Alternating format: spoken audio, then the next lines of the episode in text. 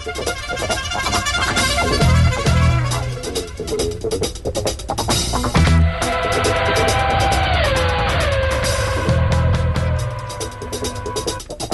is Natrappen met.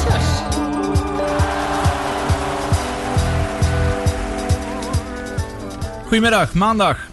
4 uur geweest op 29 april. Dat is aflevering 3. eh 29 maart is het natuurlijk. Eh, we zitten helemaal nog niet in april. maar het is in ieder geval aflevering 23 van Natrappen met Jos. Het is wel echt eh, prachtig weer. Het is echt weer op de sporten, Philip. Ja, dus weer om buiten te zijn, ja. Ja, nou, dat zijn wij niet. We zijn hier binnen. En als je op de temperatuur kijkt tegenover je, wat staat daar? 25,5. Nou, precies. Lekkere voorjaarsklassiekers zou je kunnen verrijden onder deze tropische omstandigheden. Maar we hebben in ieder geval veel zin in, want er is veel sport geweest weer afgelopen week. Eh, we hebben heel veel om te bespreken de komende twee uur. We gaan het uiteraard hebben over het Nederlands elftal. Eh, Misschien eh, is daar wel heel veel al over gesproken. Maar ja, wij gaan ook ons, ons plasje daar nog even overheen doen. Daar gaan we het ook nog even over hebben. Wielrennen. Drie, drie koersen eigenlijk afgelopen week. Twee eendagskoersen en de Ronde van Catalonië was er. MVV is vol op dreef. Hè. Die hebben een prachtige overwinning gehaald op de nummer 3 Almere met eh, 2-0 afgelopen vrijdag. En we bellen met Bertel Kane, die is directeur van Mozaqua. En die hebben goed nieuws, want die zijn vandaag weer open gegaan. In ieder geval met het buitenbad. Dat betekent dat dus eh, de triatleten daar weer mogen trainen. Ja, inderdaad, je kijkt al, het zal wel koud zijn. Ja. Maar die zullen wel... triatleten niet natuurlijk. Nee, die hebben wel goede, goed materiaal en goede wetsuit om, eh, om mee te zwemmen. En we bellen met eh golfer Laswan Meijel. Eh, die is net terug uit Kenia, waar hij eh, de opening van de Europese Tour heeft gehad. Dus kijken hoe het met hem is eh, vergaan. Nou, dat alles in deze uitzending natuurlijk. Tot zometeen. Eh, we starten met een nummer van The Simple Minds. Alive and Kicking.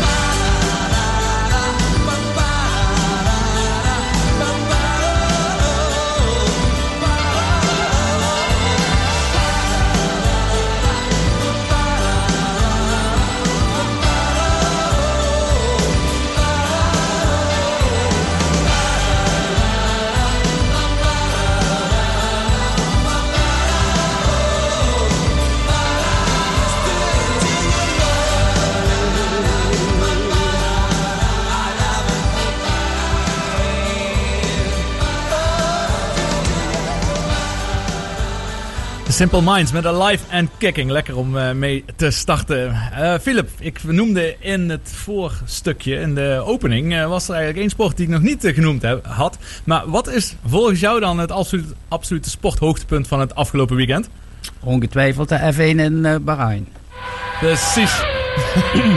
ja, dat was natuurlijk wel eh spektakel waar eh, iedereen in eh, Limburg en Maastricht natuurlijk al lang naar uit het kijken was. Heel hoopvol met Verstappen. Ik zag de vlaggen zelfs alweer hangen op verschillende plekken. De Red Bull vlaggen uit de ramen om ja, Max te aan te moedigen. Want daar hebben we toch wel even een tijdje op moeten wachten. En kijk, het was natuurlijk bijzonder. Want Verstappen was in alles het beste. Testweekend, de drie vrije trainingen en hij had eh, pole position. Maar ja, dan is er toch weer die echte klasbak Hamilton. eh, ja, die eh, Verstappen gisteren toch nog even deed dwarsbomen. Even een fragmentje daarvan. ten opzichte van Hamilton. Maar hij heeft nieuwere banden. Rijdt ook naar Hamilton toe. En dit is dan het gevecht om de leiding. En dan gaat Verstappen buitenom voorbij aan Lewis Hamilton.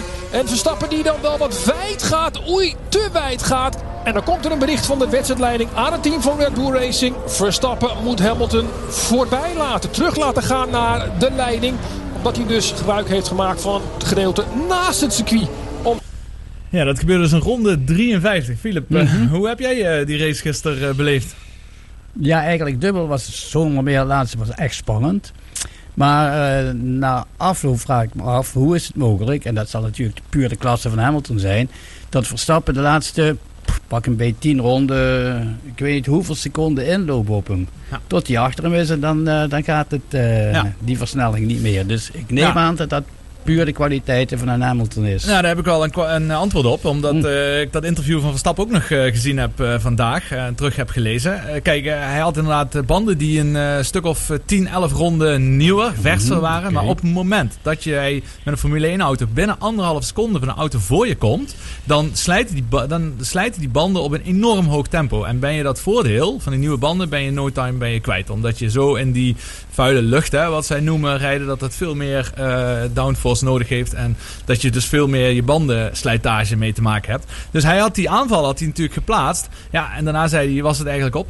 Eh, die banden die, die konden niet meer aan. En, en de auto kon dan toch niet meer datgene aan om nog opnieuw een aanval te plaatsen. Dat is toch iets wat je vaker ziet. En dat is toch wel heel erg eh, bijzonder. Hè? Dat dat, want je ziet wel vaker dat iemand een aanval doet. En als het dan niet lukt, dat hij dan vervolgens niet meer opnieuw een aanval kan plaatsen. Ja. Ja, en als Max dat niet kan doen, dan kunnen we er wel echt van uitgaan dat het ook niet mogelijk is. Want als er één iemand is die continu een aanval zou willen plaatsen, dan is Max het wel.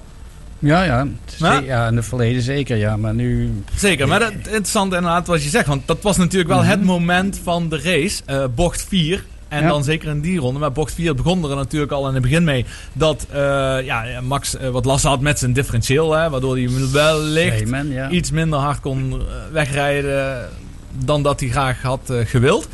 Maar eh, er was ook dat Mercedes, zowel Bottas als Hamilton, daar die bocht continu heel ruim namen. Mhm. En gaandeweg de wedstrijd een soort van de regels veranderd werden. En toen Max dat op het laatste hetzelfde deed. Hè, en die inhaalactie. eh, toen mocht het dus niet meer. En toen is hij wel weer Ja, terug eh, gefloten. Dat mag wel, maar dat mag niet tijdens, tijdens het inhalen. oké. Ja. Kijk, als je niemand inhaalt en gewoon de bocht wat ruimer maakt, dat is eh Ja, met die- schijnbaar geen probleem Ja, met die voor. tracklimits. Ja, maar wat wel interessant was, en eh, dat fragmentje heb ik ook even klaarstaan, is wat Hamilton na afloop tegen Ziggo Sport zei over die eh, bewuste inhaalactie. But turn four was decisive.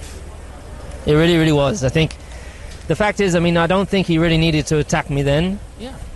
He had but he had fresher tires. He could be patient, but he went. Did he you went, push him into that? Because Giovinazzi was also a little bit involved. Can you Um, push him into that little mistake, or is it not a mistake? Well, I mean, I braked nice and late and kept him Yeah. by the side, so it Yeah. meant he had to go wide. Yeah, And but he he he went out of the track. wide. Yeah. and um, with the, the rules that we have, we're not allowed to overtake off track. And so when I when I saw that, I was like, okay, this is he's going to have to give the give it back. But I thought he's immediately going to get uh, have another chance to overtake me again.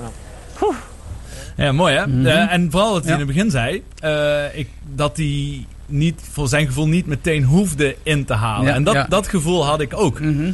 Alleen, dan ja, heb je natuurlijk iemand die Max Verstappen heeft. Hij wordt natuurlijk altijd erom geroemd dat zodra dat hij een kans heeft, Probeert. pakt hij die kans. Mhm. En eigenlijk gaat het altijd zo goed als altijd goed.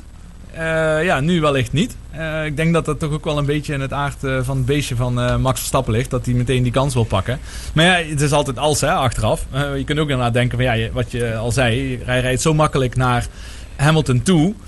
Dan zou je voor je gevoel wat afstand kunnen houden. En dan hem juist er naartoe rijden, timen op een rechtstuk, DRS-zone. in ieder geval. Ja, ja, goed. Na afloop bij Ziegosport, Ja. analisten Mhm. zo door een bos, die zei ook ja, dat dat niet te doen is. Die snelle bocht 1 en dat soort dingen. Ja, zijn dingen waar wij natuurlijk niet eh, precies weten of, ja, hoe of wat eh, hoe, van de hoed en de rand. Hoi. dat stukje. Dat klopt. Eh, ik heb ook nog even een eh, eh, reactie van eh, Max eh, na afloop. Vond ik ook wel bijzonder.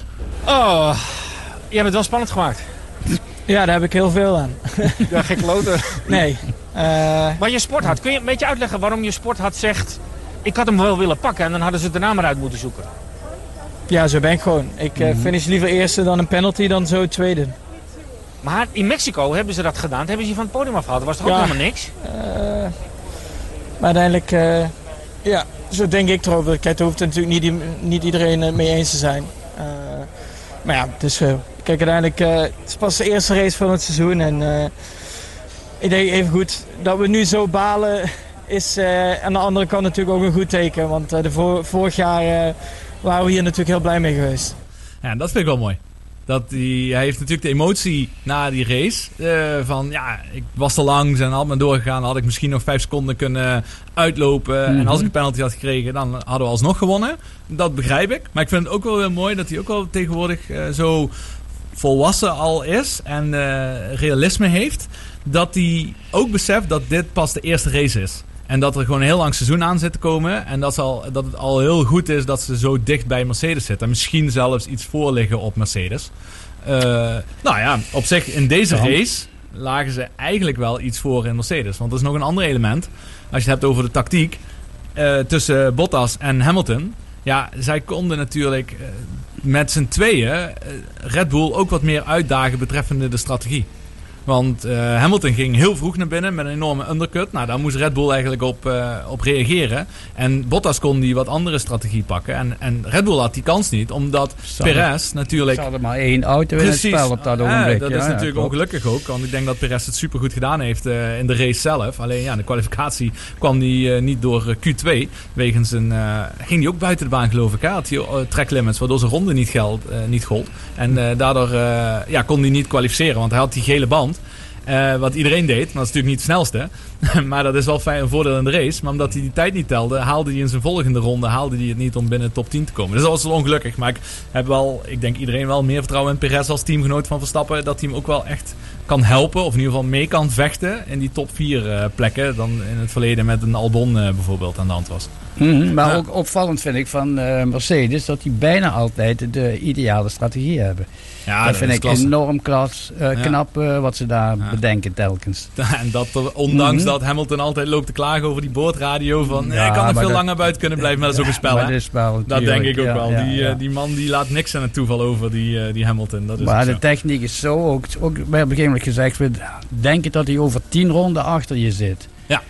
Dus dat werd al uitgerekend. Ja. Dus daarom denk ik toch ook wel dat Hamilton een beetje op hem, eh Ja, en heeft ook wel gewacht heeft. En, en, en, Duidelijk. en toen eh, Ja.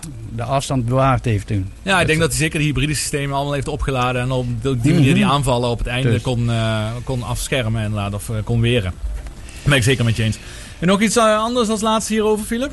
Over deze race? Dat was natuurlijk wel echt spectaculair. Ik vond het wel heel spannend Ja, het laatste hoor. spannend, absoluut. En iedereen eh, die gekeken heeft, die normaal niet kijkt, die, die is op het laatste blijven kijken, omdat ze het allemaal spannend vonden. Ja, je wist dat het ging gebeuren. Mhm, je ja, wist dat. Verstappen terug ging eh, komen en dat die twee eh, de laatste vijf rondes het moesten uitvechten samen. Dus ik denk dat het, de, de rest van het seizoen wel een publiekstrekker Ja. gaat, gaat worden, die Formule 1. Zeker weten. Dus nee, absoluut. De volgende race heb ik even niet opgezocht. Het zal over twee weken zijn. Waar? Heb je geen idee van? Bahrein.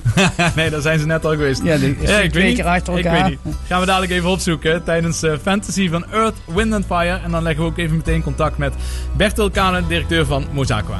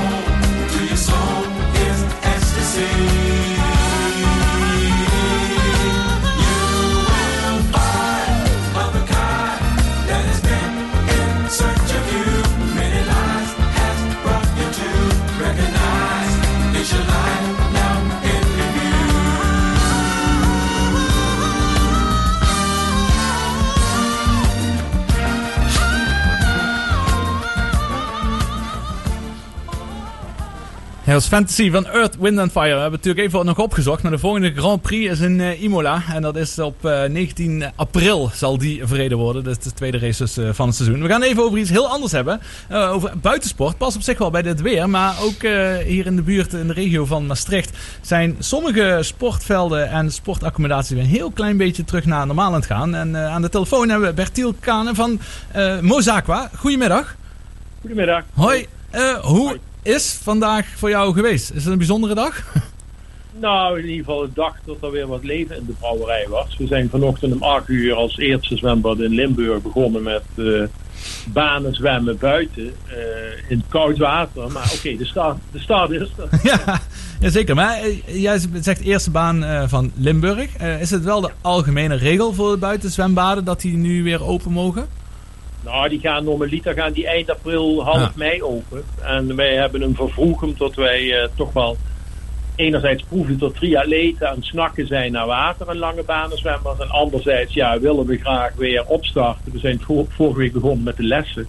Maar dit is een ander segment en dat konden we keurig conform coronamaatregelen buiten doen. Dus we hebben daar meteen op ingespeeld. En Ja. die, die lessen die waren dan binnen of buiten? Die lessen zijn binnen, dat Oké, zijn kinderen. dat mag. Ja, ja, voor de jeugd, Voor alle, natuurlijk. alle, alle leskinderen. Ja. Eh, en buiten eh, mag eigenlijk iedereen komen. Alleen, eh, Ja. ja, het is wel vanochtend 11 graden water. Het was wel echt voor de bikkel van de diehard. zo. Ja, snap ik. En dan voor de volgende vraag. Hoeveel mensen zijn er vandaag dan al geweest bij jou? Nou, we begonnen heel rustig om 8 uur. Ja. Het water gewoon het koudste, 10,8. Wauw. Inmiddels is het water een graadje of 13 door de zon. Eh, en eh, ik ging net weg uit Gulpen. Toen was er een groep van een man of eh, 12, 15 aan het zwemmen. En we mogen daar in het bad, we hebben negen lengtebanen, 18 man laten zwemmen. Ja, Oké, ja, dat was ook een vraag die ik had. Wat de regels dan nu eh, zijn. Maar je mag dus eigenlijk twee personen per baan mag je hebben. ja, ja dan kunnen we die anderhalf meter prima garanderen Ja, op een- in alles. En Ja. dat doen we voorlopig ook zo. Totdat de maatregelen wellicht weer eh, hopelijk op korte termijn verruimd worden. Ja, want jullie hebben een 50 meter bad buiten liggen, toch? Ja, dat is vrij uniek. Is eh, in Zuid-Limburg eigenlijk het enige wat nog over is. Eh, en ja, met name, tot, met name de triatleten. En door de Ironman in Maastricht heeft dat natuurlijk een ontzettende boost en hype gekregen. Ja. Met name triatleten, ja, die, die hebben ook allemaal een pak, een wetsuit, wat je nu ook wel nodig hebt. Eh, en, die, eh, en, en die komen dan ook graag na maanden niet zwemmen. Ja, precies. Want dat was ook hetgene waar ik op doelde inderdaad. Lijkt me echt een enorm voordeel. Inderdaad voor de triatleten die langere afstanden willen zwemmen. Dat jullie een 50 meter bad hebben liggen. Ja, ja die, die, eh, die zijn daar toch wel zoekende naar, naar constant eh, binnen in de 25 meter bad. is een 50 meter bad heel fijn voor te zwemmen voor triatleten en voor lange baanzwemmers. Uiteindelijk gaan ze natuurlijk ook naar buitenwater. Maar een combi in het seizoen van eh, 50 meter eh, zwembad met helder water en daarna op een gegeven moment ga je naar buiten. Dus ze zijn er vaak in de buurt van Maastricht in het Grindgat aan het zwemmen hè, of, of richting IJsden. Eh, dat is natuurlijk een andere dimensie, ja. Ja, dus vandaag de mensen, die 12 mensen bijvoorbeeld die je zojuist eh, noemde. Waren dat echt allemaal eh, prestatieve zwemmers of eh, triatleten? Nee, ik zag aan de, aan de pakken, ik zag aan de, de, de, de tassen van Iron Man en de badmutsen dat het allemaal toch wel eh, eh, zeg maar triatleten waren. Ik kon niet 1, 2, 3 zien of het beginnende of meer gevorderde zijn. Eh, maar eh, ja, de start is er. En ja, wij hopen eh, morgen met het zonnetje. Wij hopen richting woensdag dat het water alweer 15 is. Dus dan zullen er nog wel meer mensen komen. We hebben wel een strak beleid daar. Onder de 10 graden, dan blazen we het af. Dan, eh, dan gaan we de mensen bellen, het gaat niet door. Tussen de 10 en 15 graden verplichting voor wetsuit. En tussen de 15 en 20 graden hebben wij een dringend advieswetsuit. Daarna kun je gewoon Ja. in je leren. Ja. Ah, Oké, Wel, chic hoor. Maar zeker dat, eh, dat jullie al open zijn gegaan onder deze omstandigheden voor de triatleet. Jij bent zelf natuurlijk ook een eh, fanatiek zwemmer, triatleet ook toch? Nou, ik, ik Of- was een fanatiek zwemmer heel vroeger. Maar ik heb het een paar jaar geleden toen de Ironman in Maastricht opkwam. En voor de eerste keer was, heb ik samen met wat vrienden van mij, eh, eh, onder andere Erik Meijer, de voetballer, Ja. en Dave de Bogaert, een oud voetballer van MVV, eh, hebben wij eh, dat in estafette Ja, die relay, zeker. starten. Inmiddels is Erik eh, wel nu zelf aan het, eh, aan het Ja, trainen voor klopt. een eigen Ironman. Challenge rood. Hè? Ja, en ja, zit je ook in dat netwerk van de triathlon en hebben wij twee geweldige ambassadeurs. Die hebben jullie in de uitzending gehad eh, eh, bij TV Maastricht. Ja, En Maya, Maastricht. Maya Kingma en Maya Sarissa de Vries. En Sarissa de Vries, ja. Dus eh, die, die zijn ambassadeur. En via hun netwerk komen ook veel mensen naar ons toe. Dat is eh, super fijn. Ja, gaaf. En eh, ik neem aan dat zij ook als een van de eerste vandaag in het water eh, gesprongen zijn. Nou, ze hebben... Ze hebben afgelopen donderdag in 10,8 graden water hebben zij, eh, zonder zich van tevoren nat te maken, doken ze daarin. Zo, hebben ze de eerste vier baantjes meer, meer in de PR-zin ge- gedaan, fotomoment. ja, En hebben dat toen op sociale media. leuk. Ja, mooi. Want als laatste, ik kan me inderdaad voorstellen, ja, dan haalde ik het ook een beetje aan. Je bent natuurlijk ook echt liefhebber. Ik kan me ook voorstellen dat een eh, groot zwembad eh, als Mozaqua, ja, het is natuurlijk niet heel rendabel om alles eh, open te gooien voor een paar fanatieke sporters. Maar is het dan ook Nee. vooral voor jou uit gewoon puur de liefde voor die sport en dat je die atleten weer wilt helpen? Nou, ehm, we willen in eerste instantie laten zien dat er weer iets meer kan dan alleen leszwemmen. Dan mag je op banen zwemmen buiten. Ja. Nou, dat springt daarop in. Uiteindelijk eh, willen we dit wel als vast segment vasthouden. eh, eh, voor, ook als we dadelijk, stel voor dat we op kortere termijn weer recreatief open kunnen, dan gaat dat natuurlijk voor. Want ja, dan draai je gewoon meer omzet mee en je kunt daar meer mensen mee Mhm. bereiken. Ook dan wordt wel baantjes gezwommen. Maar we willen zeker voor openingstijd, eh, dat is dan van 7 tot 10, en na openingstijd van 6 tot 's avonds 9, willen we wel in dat buitenbad doorgaan met dat banenzwemmen. Ja, mooi. Ja, mooi Bertil. Ja, ik hoop eh, dat je eh, inderdaad snel ook weer wat meer mag. Maar het is een super mooi initiatief van jullie uit dat je in ieder geval alweer toegankelijk bent voor de banenzwemmers hè, en de triatleten. Ja. Die we willen gaan Ja. trainen. Ik denk dat je net nog een paar dagen even wat meer geluk hebt. Maar dan wordt het toch wel weer even afzien eh, als ik Ja, naar de weersvoorspellingen ja. kijk. Ja, dan kan het erin zetten eh, dat we ijzertwater hebben. Eh, eh, maar oké, eh, hou, hou onze sociale media, Facebook, website in de gaten. Onder de 10 graden als je geboekt hebt, gaat het niet door. Dan krijg je een te goed ticket voor een andere keer. En boven de 10 graden is het je keus of je tussen 10 en 15 komt en je gaat die uitdaging aan. Het lijkt wel een beetje een ice challenge hè, van Wim Hof. Eh, Ja, eh, ja, oké, het is aan jezelf, maar we willen wel op een verantwoorde manier doen. absoluut. Nou, Bertil, dankjewel even voor je tijd. En heel gaaf dat jullie eh, open zijn en veel succes. En hopelijk komen er heel veel eh, mensen jullie kant op eh, bij Mozaqua. Ik, ik ga ervan uit en ik hoop het ook. Ja? Dankjewel. Hey, fijne dag nog. Hoi hoi. Hetzelfde. Hoi, hoi, hoi.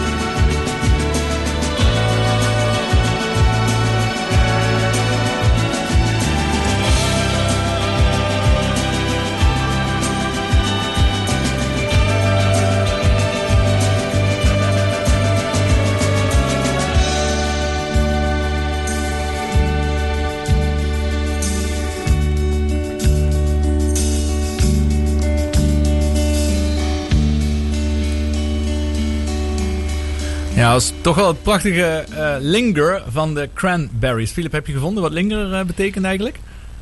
Nee. Ik dacht dat je die aan het zoeken was, want je stelde die vraag ondertussen. Eh, maar in ieder geval is het wel zo dat de zangeres inmiddels toch ook, is ook alweer snel, ook een jaar of drie geleden denk ik dat zij is overleden. Van de Cranberries, dus. Vooral bekend van het nummer Zombie. Maar, zombie, maar eerlijk, eerlijk gezegd vind ik eh, Linger wel echt eh, een heel mooi eh, nummer. Hun mooiste nummer in ieder geval wat ik ervan ken. Ehm, verder met de sport. En dan even een stukje regionaal sportnieuws. Oftewel de, de sporters uit Limburg. Hè, want als we het over Maastricht alleen maar hebben, dan zijn we iedere keer een halve minuut wellicht klaar. Wat is er nog meer gebeurd? Vers van de pers vandaag is handballer Luc Steins. Die heeft bijgetekend voor drie jaar bij eh, Paris Saint-Germain. Dat is, ja, dat is echt mooi. een hele, hele goede prestatie. Want ja, Ja. de Mhm. Paris Saint-Germain, net als in het voetbal, maar de Franse handbal is gewoon een wereldklasse. Maar bijgetekend, dus hij was al Hij was daar. al daar, Ah. ja. Maar hij heeft zijn contract Mhm. met drie jaar eh, verlengd daar. Dus dat is Mhm. heel goed. Eh, het gaat sowieso goed weer met het handbal in Limburg. Hebben we vorige week met eh, Maurice Jessen natuurlijk uitgebreid over gehad. En eh, de Cambit Lions namelijk, die hebben ook gewonnen. Vrij ruim van Volendam was het. eh 31, 23 uit mijn hoofd. Maar eh, ze staan bovenaan nu in die eredivisie. Alleen één klein dingetje. Ze hebben wel twee wedstrijden meer gespeeld dan nummer twee. Hm. Ja, dat is best raar. Want zij hebben zeven wedstrijden gespeeld. Er was één ploeg die had zes wedstrijden gespeeld. En de rest heeft allemaal vijf wedstrijden gespeeld. Dus dat je twee wedstrijden uitloopt, is vrij ongebruikelijk, vind ik. Normaal wel, ja. Ja, maar, maar dit heeft allemaal met corona te maken. Want we hoorden ja. dat eh, ze worden drie keer per week getest. En ga er maar vanuit dat als er één team een paar besmettingen heeft, dan eh, wordt die meteen die wedstrijd eh, gecanceld. Mhm. Of verschoven Ja. naar een later moment. Dus ik denk dat het daar vooral mee te doen heeft. Ehm, Weert, basketbal, dat keek jij vroeger ook nog wel eens vaker naar, hè? Of basketbal wel, maar of ik dat weer ooit gezien heb, dat eh, betwijfel ik. Nou, in ieder geval is het Eh, tegenwoordig BAL. Bal, En ja. dat staat voor eh, Basketbal Academy Limburg. Mhm, Die doen, is- het, die doen het goed ook. Hè? Die staan in ja, de Elite Pool B. Die hebben twee pools. Je hebt Elite A, Elite B. Dat is wel hetzelfde niveau. Heeft niks te maken met Oh. de klasse. Nee, maar er zijn gewoon twee pools waarin gespeeld wordt. En de nummers 1 en 2 die gaan natuurlijk door naar de kruisfinale. Naar de play-offs aan het eh, einde daarvan. Maar Bal staat in ieder geval tweede. Eh, daar. Oh. Alleen, wat wel jammer was... Ze verloren van de Royals afgelopen weekend. En die staan onderaan. Die staan onderaan. en nog erger, ze verloren met 77 tegen 76. En hoe kwam dat nou?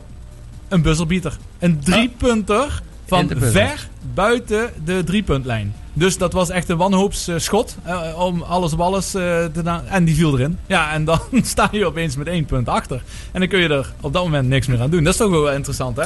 Ja, zonder meer. Maar ik heb over het niveau, ik heb een tijdje geleden Leiden tegen Groningen gezien.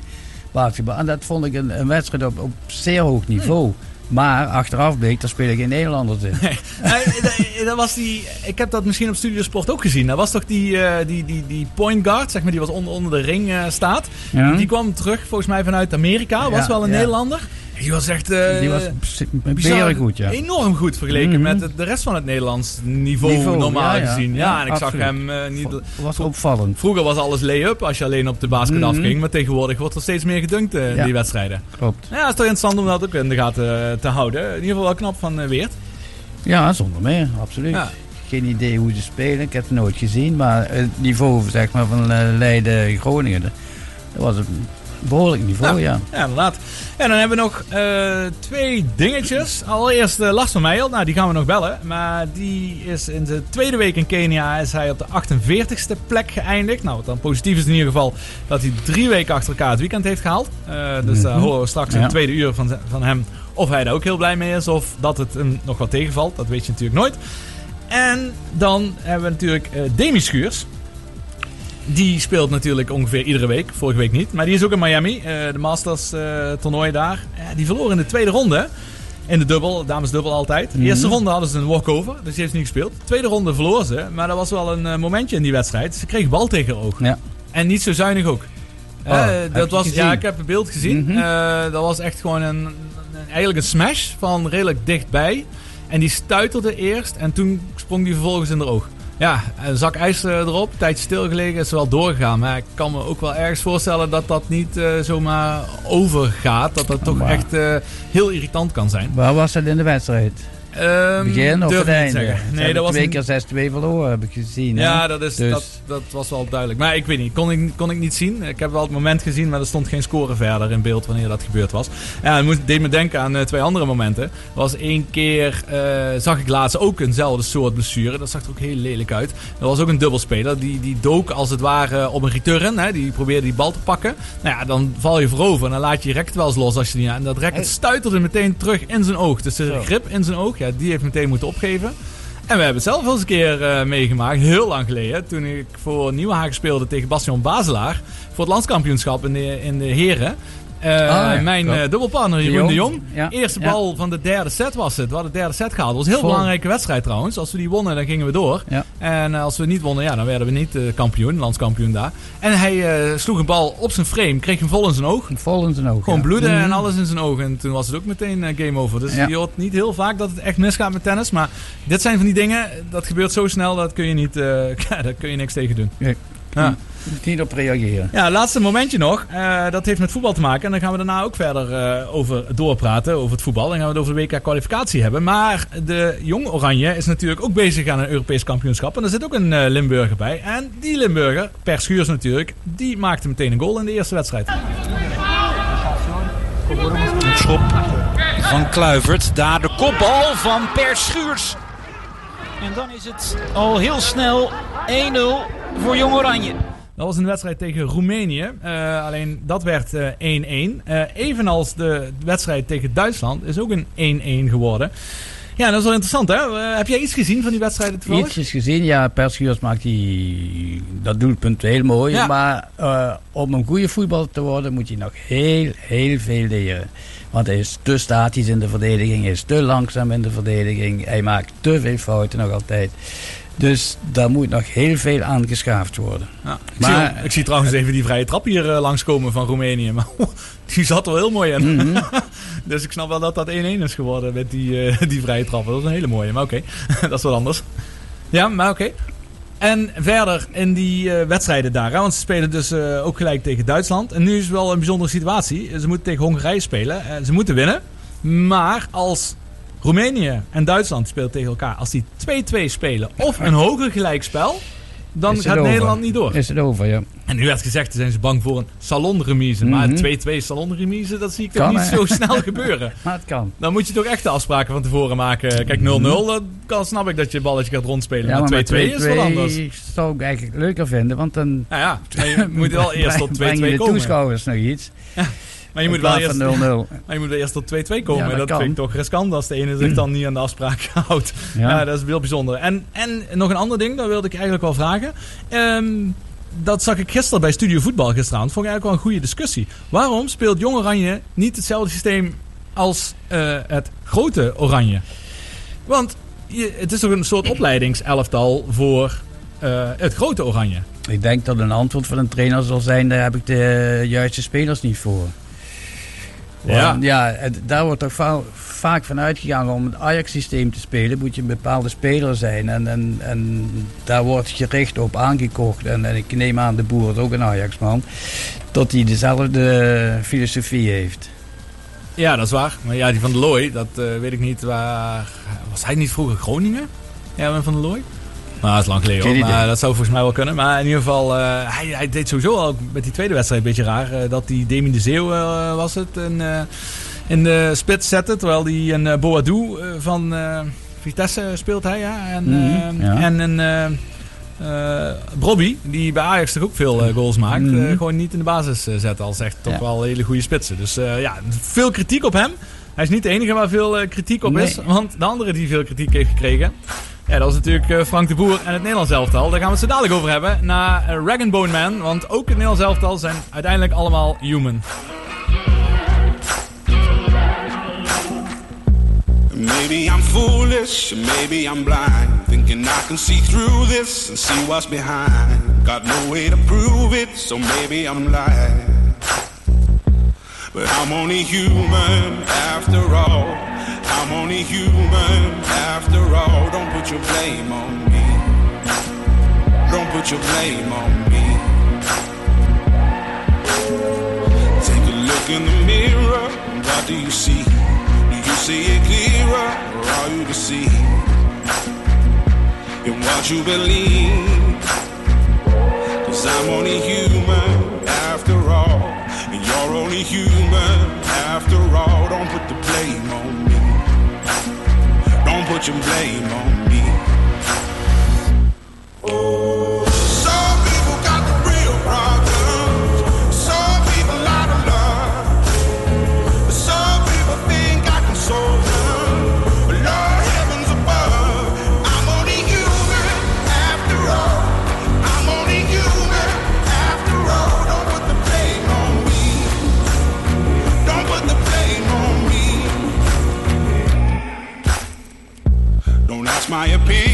don't ask me to lie. And beg for forgiveness for making you cry. For making you cry. Cause I'm only human after all. I'm only human after all. Don't put your blame on me. Don't put the blame on me.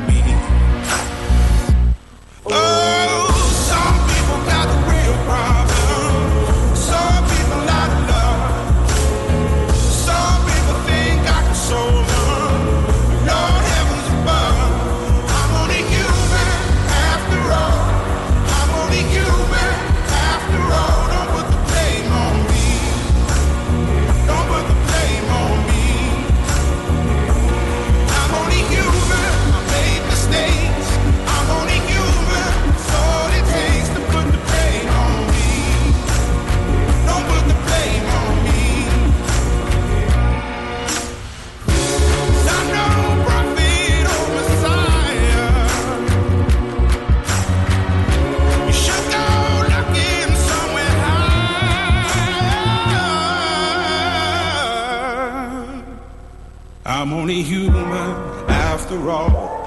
I'm only human after all. Don't put the blame on me. Don't put the blame on me. I'm only human. I do what I can. I'm just a man. I do what I can. Don't put the blame on me. Don't put your blame on me. Don't put your blame on me. Dat is eigenlijk wel een heel mooi bruggetje hè, naar, naar het Nederlands elftal.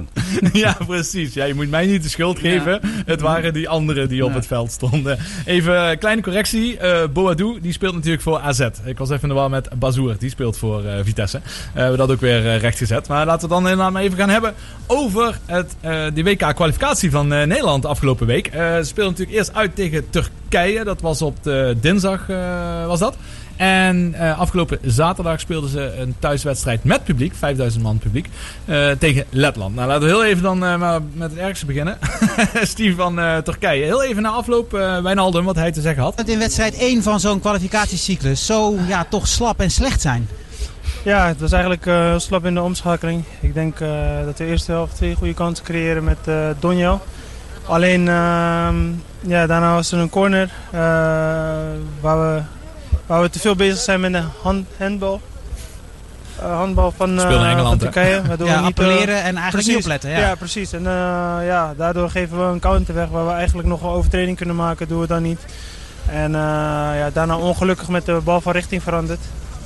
En ehm, ja, bij de tweede, ja, en, eh, tweede corner eh, was iedereen eh, aan het klagen dat het een goal was. En eh, ja, dan krijg je een tweede counter en dan scoren ze weer. En, eh, Ja, dat is een kwestie van don't put your blame on me. Ja. Zoals ik al zei.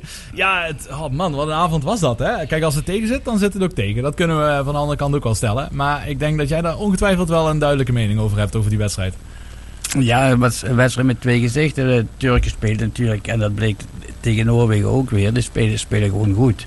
Ja. Dus daar hoef, je, daar hoef je niet echt voor te schamen. Alleen de Krul, eh, keeper, had een eh, mindere dag. eh, En die kwam natuurlijk ook, hè, Sielissen die raakt geblesseerd in, Mm, eh, vlak in de warming-up. Ik kan me ja. ook wel voorstellen. Krul zei het ook, dat het mentaal, dat je toch eh, heel moeilijk is om die knop echt heel snel om te zetten. Oké, dat bleek ook kan, wel. ik, kan ik me voorstellen, ja. Dat bleek ook wel dus. Eh, en voor de rest, eh, ja, Memphis die was eh, zeer matig.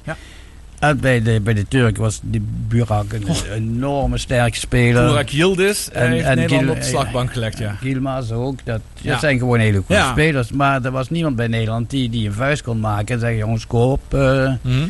we moeten en, en we zullen. Er was niemand bij. Ja. En tegen Letland, of ben je nog niet klaar Nee, met dat pakken we Turkije? dadelijk. Die pakken we dadelijk. Ik ben nog niet helemaal klaar met Turkije. Want wat ik daar inderdaad nog over wil zeggen is wat je zegt. Ja, over het systeem. Ja, daar is natuurlijk ook veel over te doen Mhm. geweest. Nu was heel veel werd door het midden gespeeld. Veel kleine ruimtes. Ja, die was er niet. Dus het, de balbehandeling werd daardoor ook automatisch laag. Omdat ze heel veel in die korte combinaties aan het zoeken waren. Memphis die krijgt die ruimte niet. Kan die niet forceren. Ja, eh, dat wilde gewoon niet echt, eh, niet echt lukken daar. Ehm, maar wat ik... Ik had iets heel intelligents wat ik wilde zeggen. Ah. ja, maar nu ben ik die wel even, even kwijt daarover. Eh, nee, ja, die Yildiz, ja, dat, is natuurlijk echt eh, fantastisch eh, wat hij daar deed. Hoe hij gewoon drie goals weet te maken. Maar het moment wat ik wilde aanhalen is meteen in het begin van de wedstrijd. Het eerste moment, dat was echt binnen twee, drie minuten, was een combinatie, heel goede combinatie. Waardoor, volgens mij was het Malen, bijna één op één met de keeper, komt Mhm. en die schiet. En die schiet die bal heel slap in. Binnenkant, ja. Ja, inderdaad. En die keeper pakt hem. En het viel mij op dat de reacties van alle spelers heel erg lauw waren. Ook al is het de tweede minuut. Terwijl ik denk, als je echt gewoon volle scherpte aan zo'n wedstrijd begint. Dan gaat die bal met veel meer overtuiging erin. Je kunt hem altijd missen. Mhm. Maar met veel meer overtuiging erin. En toen dacht ik al meteen van... Hm, dat vind ik raar. Dat daar zo matjes op wordt gereageerd. Terwijl dat Ja. al meteen een hele grote kans was om eh, meteen 1-0 te maken. Ja, en dan weet je natuurlijk ook... Hè, als je wel tegen Turkije 1-0 maakt... Dat is een stuk lekkerder voetballen. Tegen die Turken als je achterkomt... Dat is moeilijk hoor. Want die zijn ja, moeilijk als in dodelijk in de counter. Met zo'n goede... Met toch twee goede spitsen. Het ligt ook aan je systeem. En dat wilde ik net zeggen. Dus van, van, van Letland, er werd het systeem veranderd. En er wordt er wel gezegd van ja, het zijn mindere voetballers. Maar dat maakt niet zoveel uit aan je systeem. Ook al speel je tegen een sterke ploeg, kun je toch met een aanvallend systeem proberen te spelen. En niet hetgene wat ze tegen, tegen Turkije eh, op, op de mat schotelden. Ja, dat vind ik dan inderdaad wel een interessante discussie. Want laten we meteen doorschakelen naar Letland. Mhm. Dat eh, halen we nog mooi eh, voor het nieuws. Ehm, eh, precies wat je zegt. Ander systeem. Een echte spits hè, met Luc de Jong daarin. Ja. Memphis aan de zijkant. en aan de andere kant Berghuis. Maar belangrijker nog waren die backs wat daar overheen komen. Hè. Een Dumfries. En aan de andere kant eh Owen Wijndal eh, die er overheen komt. Dus het leek soms alsof ze gewoon met vier vleugelspelers aan het spelen waren. Want die stonden continu met twee man aan die zijlijn eh aanspeelbaar. Ja. Dus je kreeg, creëerde wel veel meer ruimte. Er werd veel vloeiender gespeeld. En ik vind wel echt dikke pech dat je maar 2-0 wint. Dat, Die twee kopballen tegen de lat. ja? En, en nog andere scrimmages en schoten. Dat Ah, kan hoger uit. Mhm. Dat kan ook 5-6-0 worden. Zonder beter te voetballen. Ja. denk, dan moet je ook een beetje geluk hebben. Hè. Het begint met creëren van kansen. Eh, Dan kun je ook missen. Maar als je kansen niet creëert, kun je ook niet missen. En dat was in Turkije, waar gewoon veel weinig, eh, heel weinig kansen waren dat. Dus Mhm. in principe doe je het goed. Alleen mijn vraag is inderdaad wel, eh, en dat vind ik ook wel. Ja, nu kon je wel met zoveel vleugelspelers een opkomende back spelen, omdat Letland ook geen counter had. Maar eigenlijk alle landen die tegen Nederland goed spelen, die laten zich inzakken. En puur op counters win, wordt van Nederland gewonnen, omdat een Daily Blind gewoon niet snel genoeg is als laatste man. En een Matthijs Ligt is dat dan wel, eh, denk ik. Eh, maar, die is gewoon, maar een Daily Blind is niet snel genoeg als het één op één komt in een counter. Nou ja, daarom moet je, als je weet dat je verdediging langzaam is, moet je ook niet blind gaan drukken naar voren. Dan moet je die bal via, via de vleugels spelen en, en de vleugelspeler bedienen. Dat werd eh, tegen Turkije ook niet gedaan. Want Berghuis die liep daar... eh, Sowieso weinig over de vleugels gespeeld. Ja, dat zei ik in het begin. En, Alles nu wat je net zei over Letland, daar had je wel dubbele vleugels. Maar die werden ook aangespeeld. Ja. Dat is natuurlijk een, eh, En die issue. Hè? en die mooie goal van eh, Berghuis, dat was natuurlijk, en dat Ja, werd in de rust mooi gezegd, maar dat was Mhm. niet alleen door Berghuis. Dat was die hele actie er naartoe. En Ja, hij trekt klopt. mooi naar binnen, maar dat was omdat, eh, prom, eh, nee, sorry, eh, help even. ook, ook mensen van rechts, naar, rechtsback naar- van, naar eh, buiten gingen voor die ruimte ja, te maken. rechtsback van PSV. Ik kom Mhm. even niet op zijn naam heel eh, snel. Ja, die, die ja. Dumfries, dank je. nee, Denzel Dumfries, die ging rechts overheen. Waardoor die verdediger moest uitstappen. En Mhm. daarmee werd er ruimte gecreëerd voor Berghuis. Dat was wel heel mooi. Het was niet alleen dat schot dat prachtig was. Maar het was vooral heel, eh, eh, hoe dat gecreëerd De werd. actie, Dus- ja. ja, het zou wel mooi zijn als ze inderdaad ook tegen een Turkije ook zo zouden durven spelen met die flair. En ja, dan loop je maar een keer tegen een counter aan. Maar Mhm. ja, dat zou mooi is beter dan dat we natuurlijk gezien hadden. Klopt. En degene die ook heel ongelukkig was, dat was natuurlijk Memphis. Laten we even horen wat hij nog eh, te zeggen had over. Voorstellen dat je een paar keer hebt gedacht van hoe is het mogelijk dat die bal er niet in gaat? Ja, een paar keer wel inderdaad. En, eh, dan, ja, dan krap je toch achter je hoofd van ja, hoe kan dat? Eh, Dus dat is heel erg frustrerend. Maar ja, wat, eh, wat- nu doe je er niks meer aan. Je moet, eh, je moet gewoon weer naar voor, door naar de volgende en dat proberen wel te doen. Na die vier... Is dat eh, over zijn penalty tegen, tegen nee, dat, Turkije? dit is, eh, nou ja, dat Ja. ook. Nee, Oh, dat was na Letland eh, was dit. Want daar had hij natuurlijk ook wel heel wat kansen uiteindelijk gemist. Een hele mooie actie. En toen stuitte hij toch op de keeper eh, daarna. Dat was een heel mooie dribbel, hè. Hoe die, die Ja, spelers allemaal Ja, langs ging. En daar miste hij hem inderdaad. Mhm. Maar wat, wat wel iets is, en dat vind ik wel wat minder betreffende Memphis. Die vrije trappen. Ja. Het is dus zo dat Nederland inmiddels al vier jaar lang geen goal heeft gemaakt uit een directe vrije trap. Hm. En dat is toch dat Memphis eigenlijk al die vrije trappen neemt. Eh, volgens mij Ja. een paar keer mocht Berghuis, maar dat was maar heel weinig. Mhm. Maar in ieder geval is het zo dat, ja, dat die toch wel erg weinig eh, gescoord wordt uit een, eh, uit een vrije trap. Ja, en dan heb je in sommige situaties, denk je ook van ja, dan geeft die bal dan maar voor. Zeker als je speelt met Luc de Jong in de spits. Dan is dat een, een goed ingedraaide vrije trap van de zijkant. Is heel moeilijk te verdedigen. Ja. Als je hem indraait naar die tweede paal, als een, iemand er tegenkomt, is goed. De keeper kan niet reageren, want hij kan ook niet naar voren stappen. Maar als hij, ja, dat, dat, dat is natuurlijk wel een eh, puntje. Ehm, ja, voor de rest, als laatste even wat ik hier nog een beetje heb opstaan daarover, is eh, dat we eh, maar liefst 75, 74% balbezit hadden tegen Letland, Nederland. En eh 33 of 36 schoten zijn er geweest, eh, waarvan 11 schoten op doel. Hm. Dus dat zijn, toch wel cijfers. Dat valt ook tegen eigenlijk, hè? Ja, het rendement, dat is duidelijk. Maar je hebt, Mhm. wel, je hebt wel die kansen gecreëerd. Nou, we hebben nog een half minuutje tot de reclame. Heb je nog een eh, mooie laatste uitsmijter eh, betreffende Nederlands elftal? Nee, die wat we zo invallen. Nee, oké. nou, kijk heel even eh, snel nog Ik wil naar... alleen zeggen, van, als, als je ziet hoe gemakkelijk onze eh, analyse is, dan moet het toch allemaal niet zo moeilijk zijn, hè? nee, dat is waar. En over het algemeen eh, zijn op zich wel alle favorieten zijn wel goed door de eerste rondes gekomen. Met uitzondering van Wales, die natuurlijk toch ook wel een, zeker met een Beel, een goede spits hebben. Tot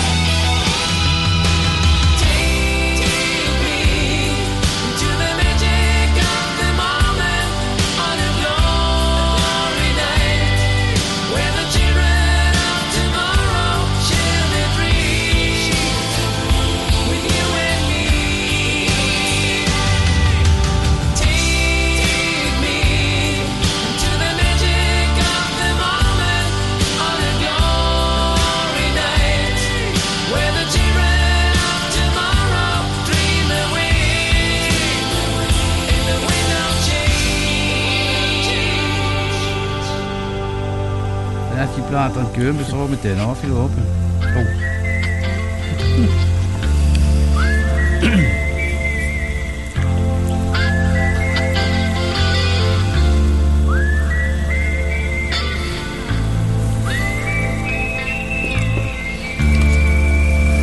Ja, dat was de Wind of Change van de Scorpions. Helemaal af laten lopen tot aan het einde. En het is eh, prachtig weer buiten. Dat hebben we natuurlijk in het eerste uur al eh, verteld. Ja, dat betekent dat veel mensen lekker buiten gaan sporten. Zeker op de golfbaan is het heel goed vertoeven vandaag. Maar iemand die eigenlijk altijd wel in het mooie weer staat te golven, die hebben we aan de telefoon. En dat is Lars van Meijel. Lars, goedemiddag. Hallo, goedemiddag. Goedemiddag. Ja, jij komt net terug uit Afrika. En daarvoor heb jij getraind in Dubai. En eh, vervolgens het eerste toernooi gespeeld in Qatar. Dat klinkt niet vervelend. Nee, het was, eh, ja, was lekker. Het was leuk om weer te beginnen. En eh, ja, heerlijk weer gehad. Eigenlijk Qatar hadden we ook een beetje een zandstorm. Oh ja? Eén dag. Maar verder eh, was het eh, ja, heerlijk. Ja, je speelde op de Europese Tour. Ik heb het iedere keer in uitzending, eh, noem ik je resultaten sowieso. Ja, je hebt je eerste drie toernooien heb je gespeeld.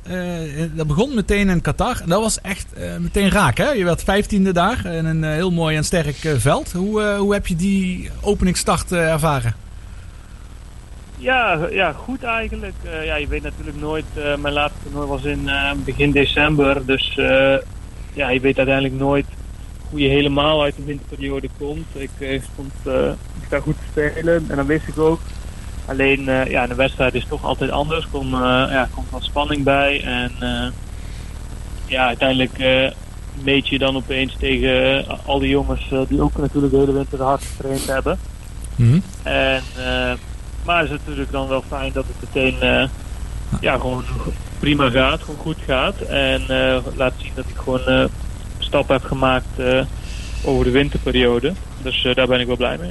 Ja, want je zei dus in december was je laatste toernooi. Eh, dus het eerste toernooi is uiteindelijk pas in maart dan van start gegaan het seizoen voor jou. In die tussenperiode heb je dan veel in Maastricht getraind? Of is dat voor een topgolfer niet interessant om of, in Nederland te, te trainen vanwege de winterse omstandigheden? Ja, in de winter is heel moeilijk. Is vooral, ja, op de, ik heb train best wel veel op de Bernardus. Op de Duk ben ik ook eh, vaak. Maar ja, als het eh, vriest of als het gaat sneeuwen, dan, eh, ja, dan ben ik af en toe indoor me te vinden. Maar het is vooral, ja, ik probeer dan zoveel mogelijk naar het buitenland te gaan. Uiteindelijk ja, maak je daar je beste uren. En dat is gewoon belangrijk, want uiteindelijk, ja, al die andere jongens die gaan er ook naartoe. Hmm. En dus je moet, ja, je moet zorgen dat je steeds eh, beter en beter wordt eh, tegen, ja, vergeleken met eh, ja, die andere spelers. Ja, want merk je dan inderdaad zo'n eerste, ja, merk je dan zo'n eerste toernooi dat iedereen helemaal fris aan de start staat en echt heel getraind en goed begint? Ehm, nou ja, dat is voor iedereen anders. Dat is natuurlijk een beetje. Het is heel persoonlijk. Sommigen hebben het wel, vinden het wel. eh komen altijd snel uit de startblok. Anderen hebben wat meer tijd nodig. Uiteindelijk, eh, ja, is gewoon eh, kijken hoe je even goed voorbereiden. En ja, deze mentaal gewoon goed in zitten. Een beetje verwachtingen. Ja, gewoon bezig zijn met je proces doen. En, ja, niet te hoog verwachtingen, maar wel natuurlijk, eh, ja, je hebt natuurlijk doelen. Mhm. En eh, vooral met mijn kaart dat Ja. het toernooi er staat. En zo probeer ik het ook te benaderen. En eh, ja, maakt niet uit of de eerste of de laatste is. Ja. Je moet gewoon eh, altijd alles geven. Ja, want even voor de luisteraars ook die niet helemaal in het golf zitten. Eh, je hebt als je op de Europese Tour speelt, heb je verschillende kwaliteiten, zullen we zeggen, van kaart. En dat betekent als je de hoogste kaart hebt, dan kun je eigenlijk alle toernooien spelen. En als je nog niet de hoogste kaart hebt, eh, zoals in jouw geval bijvoorbeeld, eh, dan kun je bijvoorbeeld de allergrootste toernooien dan niet spelen. En moet je dus echt kiezen en kijken waar je kunt spelen. Hè? Ja, het is gewoon vooral als je voor het eerst, eh, ja, je eerste jaar voor komt, dan, heb je, dan kun je nog niet alle grote toernooien meespelen. Dus pas als je ja, één jaar je kaart behoudt. Mhm. En eh, dus eh, ja, en eigenlijk heb je niks te kiezen. Je moet gewoon alles spelen wat je kan. Ja. Want je speelt voor een stuk minder geld dan eh, de jongens die al langer op tour spelen. Ja. Dus je moet, wat ik al zei, gewoon ieder, ieder klein, maakt niet uit hoe groot of klein toernooi is, moet je er staan. Ja, en ja, je weet maar nooit wanneer een goed resultaat komt. Ja, dus je hebt drie toernooien. Je hebt, eh, in Qatar werd je 15e. In Kenia was je de eerste week 65ste. En de tweede week was je 48ste. Heb je in ieder geval in alle, weekend, alle toernooien het weekend gehaald. Wat natuurlijk altijd heel belangrijk is. Hoe kijk je terug op die eerste drie toernooien? Met wat voor gevoel? Ehm, ja, gewoon op zich wel een positief eh, gevoel. Een beetje teleurgesteld over Kenia. Ja, snap maar ik. ik had daar gewoon eh, een beetje moeite met ja, de baan en het type gras een beetje. Maar uiteindelijk eh, ja, ook wel weer gewoon stappen gezet. En ik weet gewoon waar ik eh, aan moet werken om eh, Mhm. ja, de aansluiting met de, ja, de toppers te maken. Die in een toernooi meedoen de, voor de overwinning. Ja, ja zeker in je, twee, ja, je tweede week in Kenia was je eigenlijk goed op weg. Alleen de laatste ronde die ging wat minder. Daardoor zakte je vrij hard op die laatste dag. Maar ik neem aan dat je ook nu je ziet dat je met ja, misschien niet extreem goed spel eh, toch heel goed meedraait. Dat dat wel vertrouwen geeft voor de, voor de komende Ja, weken. zeker. Ja, Ja, ook als ik naar mijn stats kijk, dan zie je gewoon dat, eh, dat het eigenlijk best wel goed is allemaal. En het is gewoon een beetje ja, puntjes op de i en eh, hier en Mhm. daar ja, wat foutjes beperken, ze het zo zeggen. En dan, het, ja, het verschil is natuurlijk nooit zo groot. Dus het zit er altijd in de details. En dat is altijd met topsport. Ja. En dus dat is, dat is belangrijk om naar te kijken. En dan Mhm. ja, weer even rusten en dan weer voorbereiden voor het volgende eh, toernooi. ja. En wat zijn de volgende toernooien? Wanneer eh, mag je weer? In principe begin ik over twee weken weer eh, in eh, Oostenrijk. Ja. En daarna is, is er eentje in Tenerife en dan eentje in Gran Canaria. Maar dat is allemaal met corona nog niet helemaal 100% zeker. Oké. Dus daar zijn ze nog naar aan het kijken. Maar Oostenrijk is wel Mhm. zo goed als zeker. Oké. Ja, even als, eh, als laatste. Want jij hebt ook een verandering eigenlijk binnen jouw eigen team. En dan hebben we het over caddy. Hè? Want eh, alle golfers hebben natuurlijk een caddy bij zich. En die is ontzettend belangrijk eh, op heel veel vlakken. Ehm, is dat toch wennen nu eh, in eerste instantie weer met een nieuwe caddy een seizoen beginnen? Ehm, ja en nee, uiteindelijk. eh, het, ja, ik heb nog nooit echt een eh, professionele caddy aan de tas gehad. Mhm. daarvoor had ik eh, een vriend van me en die ook mijn visio had ik aan de tas. Maar nu heb ik iemand eh, ja, die ik eigenlijk niet kende voor eh, Qatar. Ja. En eh, ja, je, het is gewoon net wat een zakelijkere relatie gewoon. Oké. En eh, het is gewoon altijd wennen natuurlijk. Hij, hij moet aan mij aanpassen. Want uiteindelijk, ja, hij moet gewoon weten wat ik fijn vind. En wat ik fijn vind om te horen. Hoe ik, ja, hoe ik mijn afstanden opschrijf en hoe ik ze wil horen. Net voordat ik instap. Dat soort dingetjes. Ja. Maar eh, ja, het eh, klikt, eh, wel- wel- ja, klikte goed. En het is een man met veel ervaring. Mhm. Dus daar kan ik ook wel veel leren. Hij is heel positief, dus dat is ook heel fijn.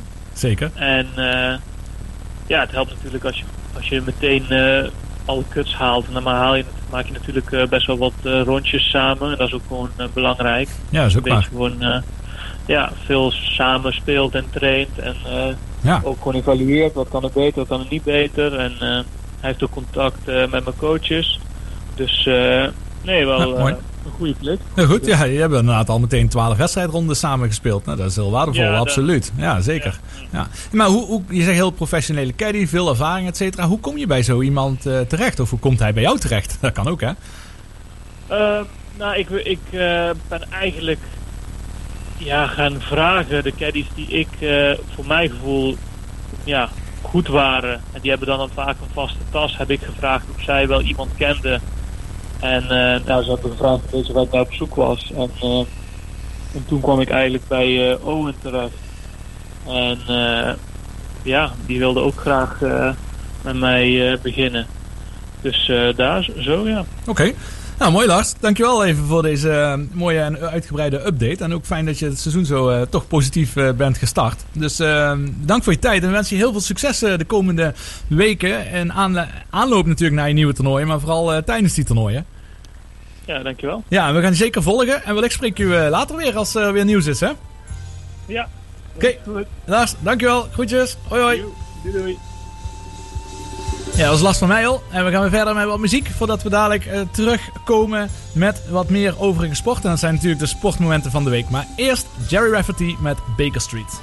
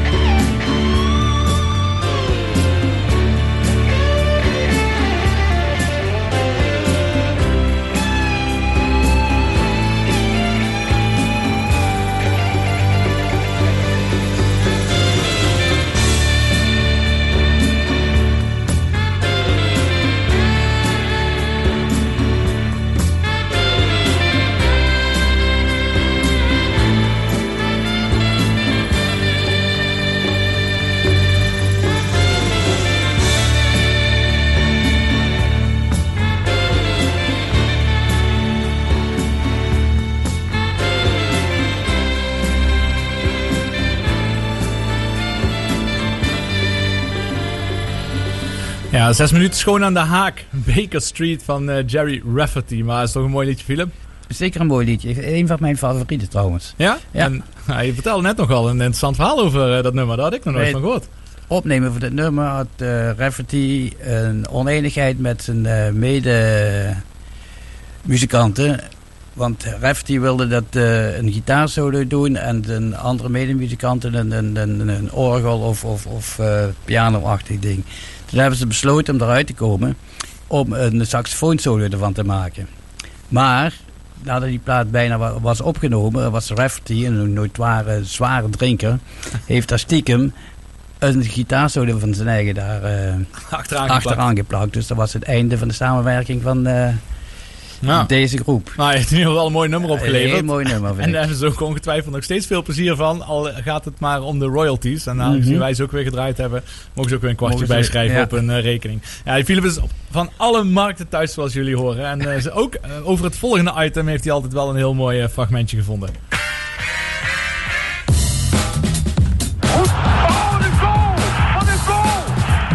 Timmertje, Timmertje, wat ga je doen? En hij staat! Staat! Het is ongekend! Daar gaat hij Ippon en neemt hem over. Goud is er voor Mark Huizinga. Het sportmoment van de week.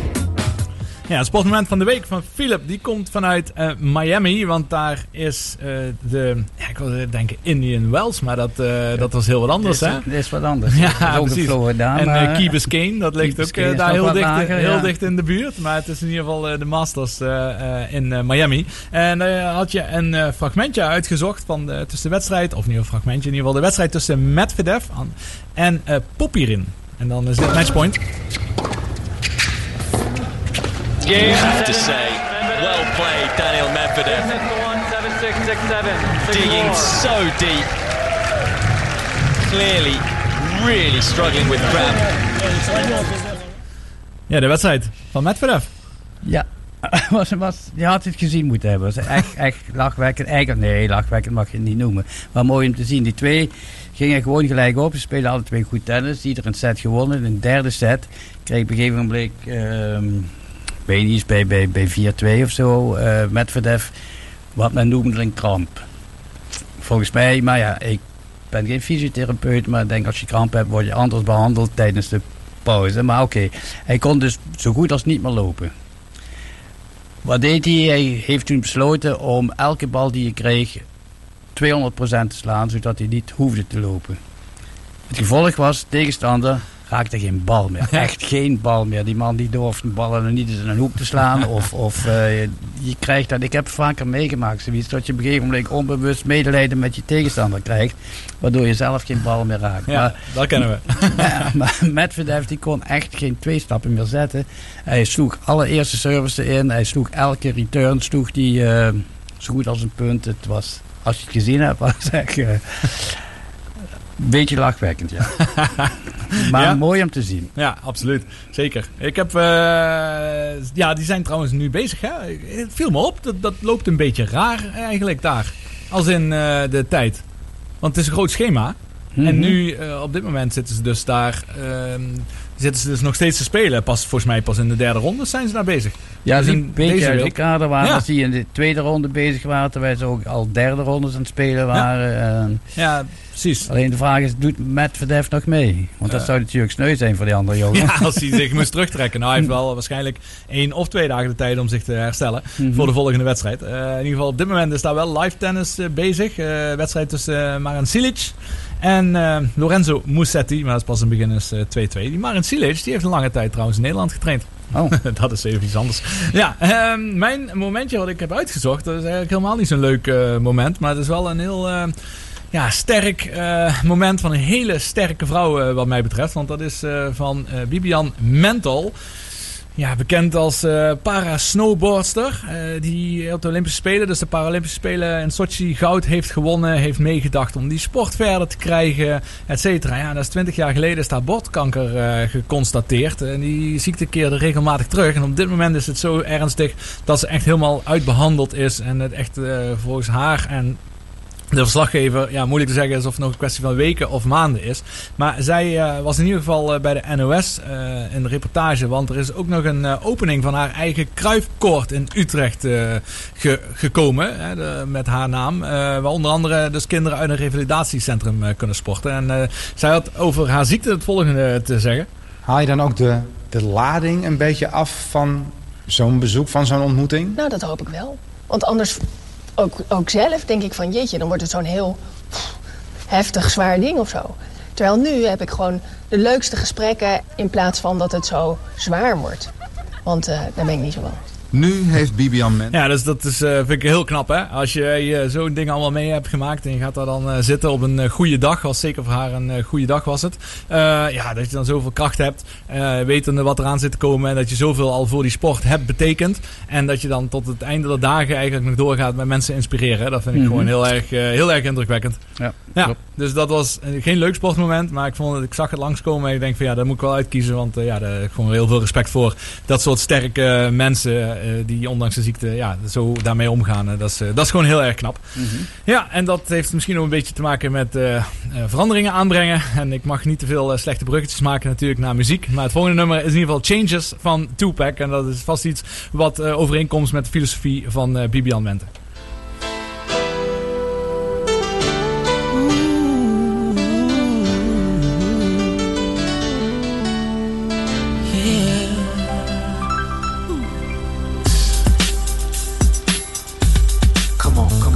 No changes. Wake up in the morning and I ask myself, is life worth living? Should I blast myself? Being and even worse, I'm black. My stomach hurts, so I'm looking for a purse to snatch.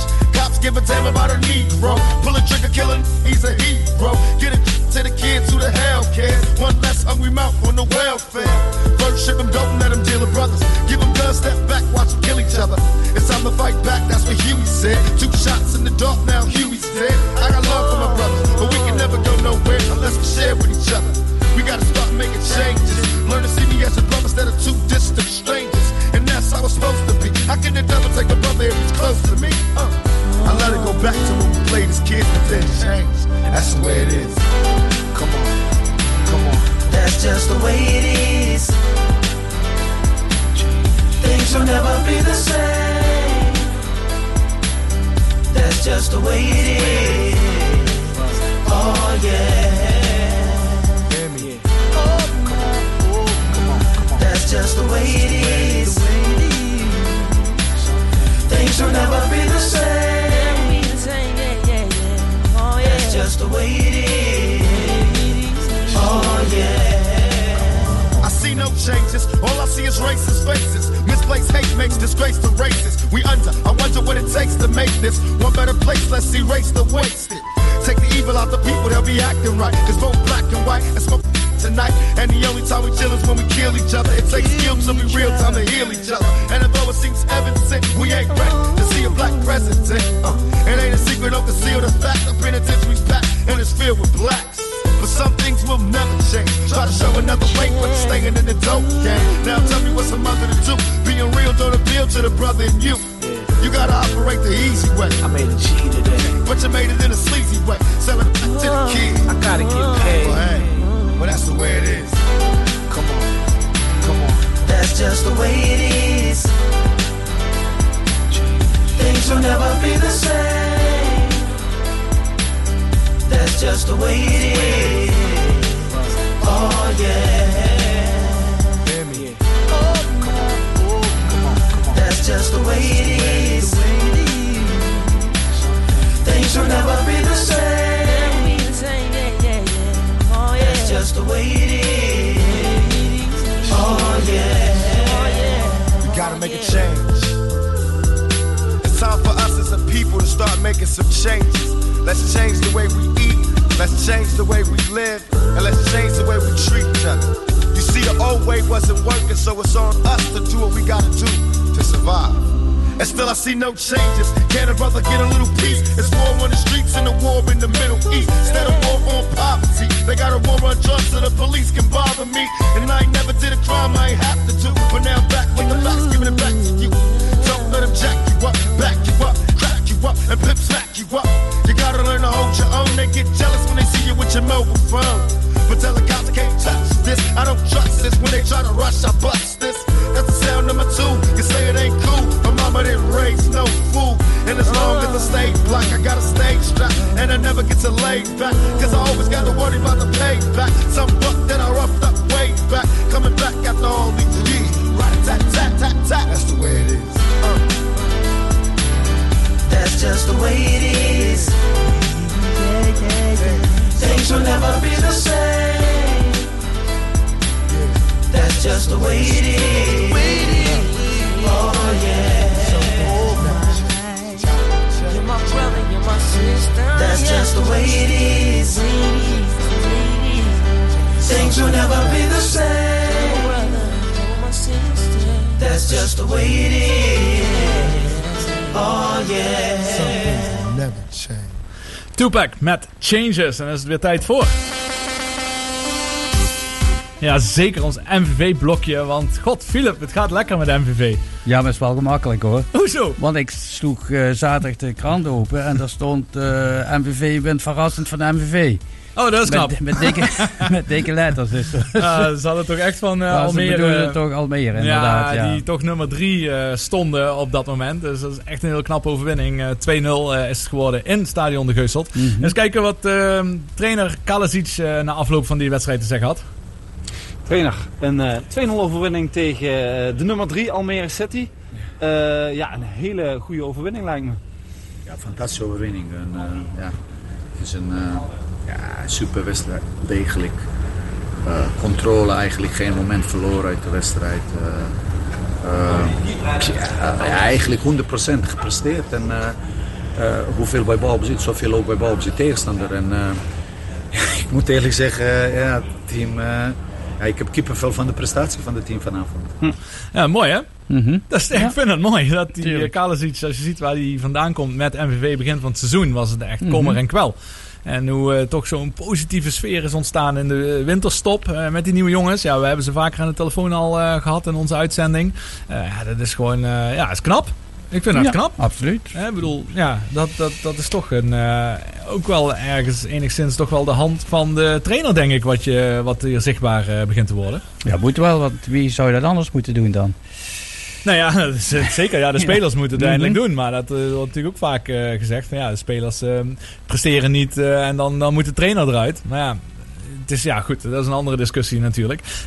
Eén speler die eh, echt een hoofdrol eh, wist op te eisen, dat is eh Joylance Mikkels. En die heeft ook een hele moeilijke eerste seizoenshelft eh, gehad. Hij was gewoon niet fit. Hij werd toch opgesteld. Kon niet scoren. Werd een beetje lacherig om gedaan. Limburgers, de Limburger, dagblad de Limburger, waar je net al zei, die een Hm. foutje maakte. Die doen altijd rapportcijfers uitkeren Oh, na één seizoenshelft. Nou, hij kreeg een 2. Of een 2,5. Nou, dat is niet veel. Maar nu heeft hij dus al vier wedstrijden op rij heeft hij gescoord. En hij gaf ook een assist op eh, Sven Blummel. Die zijn eerste doelpunt maakte voor MVV. Eh, dus dat zijn allemaal heel positieve dingen. Ja. Ook hij eh, stond eh, na afloop Steven van Appenven van RTV Maastricht eh, te woord. Eh, ik weet nog begot niet wat hij hier gaat zeggen. Want deze heb ik nog niet eh, gezien. Laten we luisteren wat Joy Lance hierover weet, eh, over vertelt. Joe Lens, eh, de vierde wedstrijd op rij dat je scoort. Eh, wat is er aan de hand? Yeah, um, I'm become every time fitter from game to game. Now I think I'm by 100%. So uh, yeah, is the result of this, and uh, yeah, I'm very happy to help the team. Ja. Het is, eh, Ja, op de achtergrond eh, wordt de hele tribune gebouwd, geloof ik. Een kegelbaan opgenomen. Ja, ja, bijna wel, ja. Maar ze aan de zijkant, zijkant eh, van het veld. Ja, Mhm. zoals eh, hij zelf ook zei, hij, was, hij begint fitter te worden. Nou, als dat betekent dat hij ook eh, steeds effectiever wordt, zoals hij nu de laatste wedstrijden gedaan heeft, dan is dat ook een mooie eh, voorbode voor de rest van het seizoen. Ja, laten we dan even heel even kijken naar die stand in de eerste divisie, de keukenkampioen eh, divisie. Want eh, MVV stond na die overwinning vrijdag, stonden ze heel even weer terug op die elfde plek. Eh, maar door eh, winst van eh, Helmond Sport en een gelijkspel van eh, Top Os, eh, zijn ze naar de dertiende plek teruggezakt. Maar er moet wel bij gezegd worden dat Top Os evenveel punten heeft. En Helmond Sport heeft maar één punt extra. Die staan op de elfde plek. Dus het nummer 10 en nummer 9, die hebben slechts twee punten meer dan MVV. Ja, dus dat is, toch mooi. Ik bedoel, de weg Mhm. naar boven kun je kijken, kun je ingezet. Daar hebben we Mike Haverkot in de, in, eh, eh, in de uitzending over gehad. Hè? Dat, eh, wat zijn de sportieve doelen nog? Ja, natuurlijk, hè? De, de verschillen waren klein. Alleen op dat moment, een paar maanden geleden, leek het er niet op alsof je achter elkaar ging winnen. En nu vrijdag tegen FC Eindhoven gaan ze voor de zesde thuisoverwinning op rij. Alweer. Dus zo snel kan het gaan. Er zit alleen één maar. Ja, daar valt gewoon weinig aan te doen. Roda staat op de achtste plek.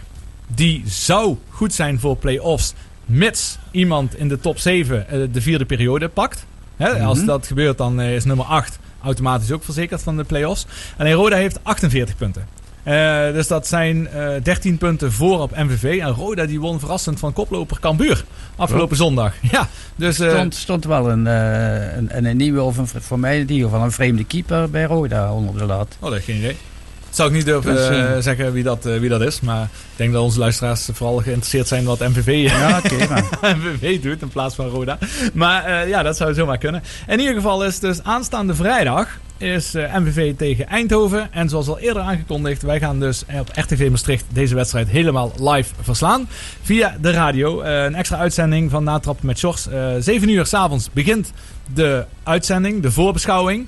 Dan hebben we een interview op het veld met eh de Rij Kalasic, de coach van eh, MVV. Eh Stefan van Appenven, die is in de Geusteld. Die verzorgt die interviews. En vanaf 8 uur verzorgt hij ook het live commentaar. En gaan we schakelen met Stefan van Appenven. Zodat alle Maastrichtenaren en alle MVV-liefhebbers continu op de hoogte kunnen blijven van eh, de wedstrijd van MVV. En dat belooft dus echt wel weer een eh, leuke en spannende radioavond eh, te worden. Ja, verder nog eh, MVV-puntjes, Philip. Ik denk dat we weer een hoop Nee. eh, punten eh, genoemd hebben inmiddels. Ja, er valt eigenlijk weinig te vertellen als je niet mag kijken zelf. Hè? Ja, dat is jammer hè. Mhm. Eh, ik heb het wel gezien. Eh, ik was te gast bij alleen trouwens. Ja, eh, in maar de studio, dus maar het was ook op televisie. weggelegd dan, nee, hè? dat is waar. Maar op ESPN was het wel te zien. Dus eh, als je ESPN in je pakket hebt zitten, Hmm. dan was op ESPN 3 geloof ik, of 4, 3 of 4, 1 van de 2. Daar was hij te zien, maar daar moet je het abonnement voor hebben. Dus het is inderdaad moeilijk te zien. Deze wedstrijd werd nog uitgezonden. Er wordt nog maar één wedstrijd van MVV uitgezonden. Dat is tegen de derby tegen Roda op eh, 12 april. En voor de rest moeten jullie het helaas eh, doen met de radio. Maar voor ons is dat niet helaas, want het is gewoon een hele mooie kans om een mooi programma te maken omtrent eh, MVV.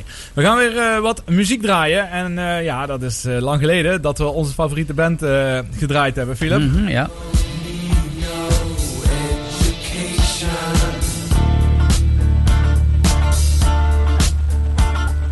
We don't need no thought control.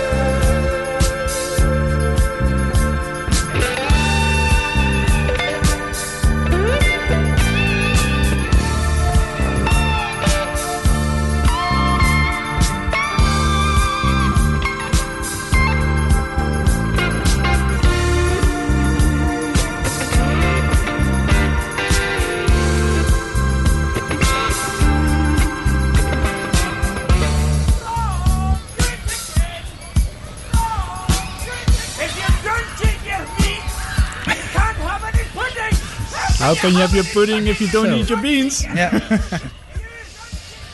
Zo, de blaas op. ja, zo is het.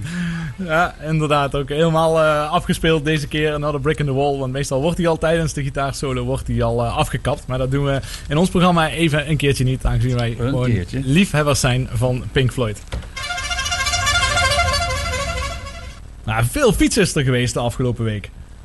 Ja, dat is Ja, nogal veel te eh. doen eh, geweest. Ik zei het in- helemaal in het begin van de uitzending al een klein beetje. Eh, laten we eerst beginnen met de eindstand eh, in de ronde van Catalonië.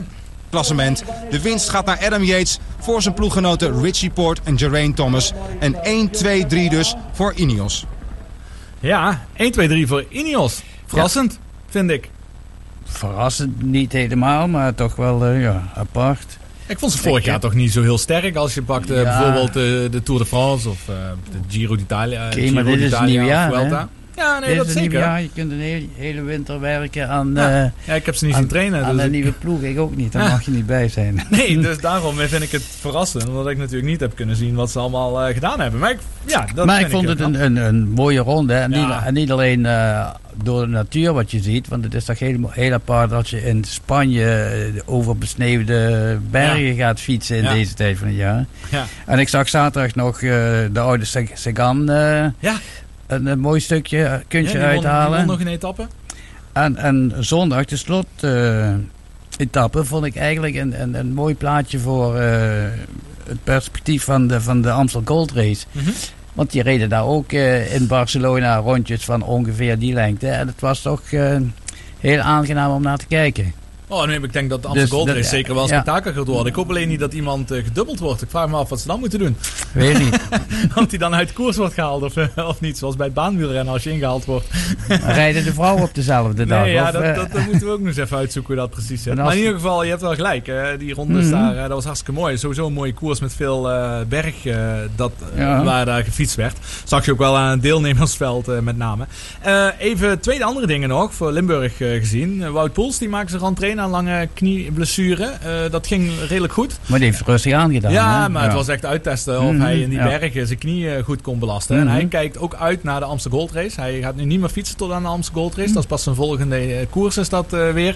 Dus hij gaat weer verder trainen. Hij gaat op hoogtestage. Dat is ook wel interessant. Hij gaat op hoogtestage en dan vliegt hij vanuit de Op hoogtestage. Ja, nee, ja, dan, ik denk dat hij wel iets een paar duizend meter hoger zit. Maar dan vliegt hij daarna vliegt hij gewoon direct naar de Amsterdam Gold Race. En dan Mhm. vanuit die hoogtestage gaat hij de Amsterdam Gold Race rijden. Eh, omdat hij in het verleden daar ook nog nooit zo heel goed gepresteerd heeft, zoals hij zelf zei.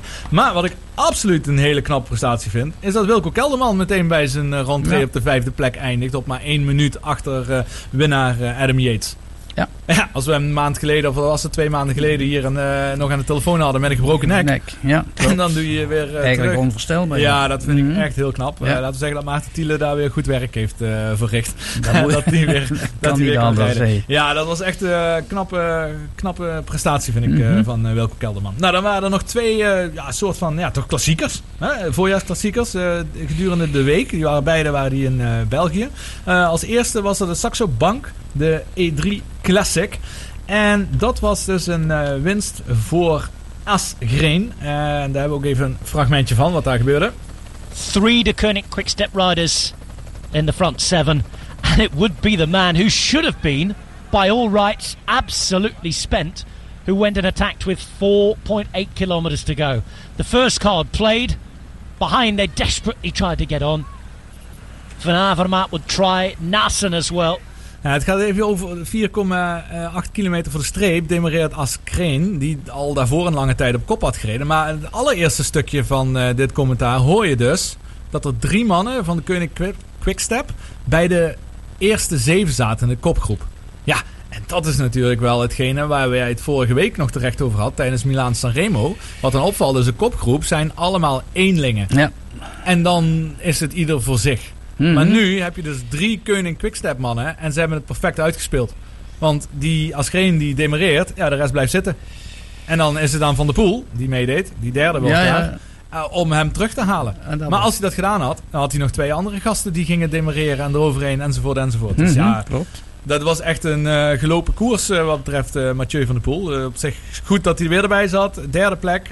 maar nummer 1 en 2 dus voor de koning Quickstep. Want Senechal die wordt daar tweede. Maar dat was wel een staaltje van ploegentactiek. Als je er in de finale met drie man bij zit, ja, dan doe je het wel heel erg goed. Hè? Maar in eendagswedstrijden zijn zij wel de Ja, koning. Absoluut. Ja, De, koning de koning Quickstep zijn met een snelle stap zeker. In ja. eendagswedstrijden zijn ze wel Eens. Ze waren ook met een heel, prominent. heel sterke delegatie daar ook aan de start eh, verschenen. En dan de laatste wedstrijd was eh, Gent-Wevelgem. Dat is best raar, hè, want die is eind vorig jaar nog eh, gereden. Toen eh, keek Van Aert en Van der Poel elkaar nog aan. waardoor iemand anders, krachts anders, daar met de overwinning vandoor ging. Deze Mhm. keer was Jumbo-Visma natuurlijk wel gebrand om Van Aert voor de allereerste keer Gent-Wevelgem te laten winnen. Omdat Van Aert toch wel wat ongelukkig is geweest op eigen bodem in België. En deze keer...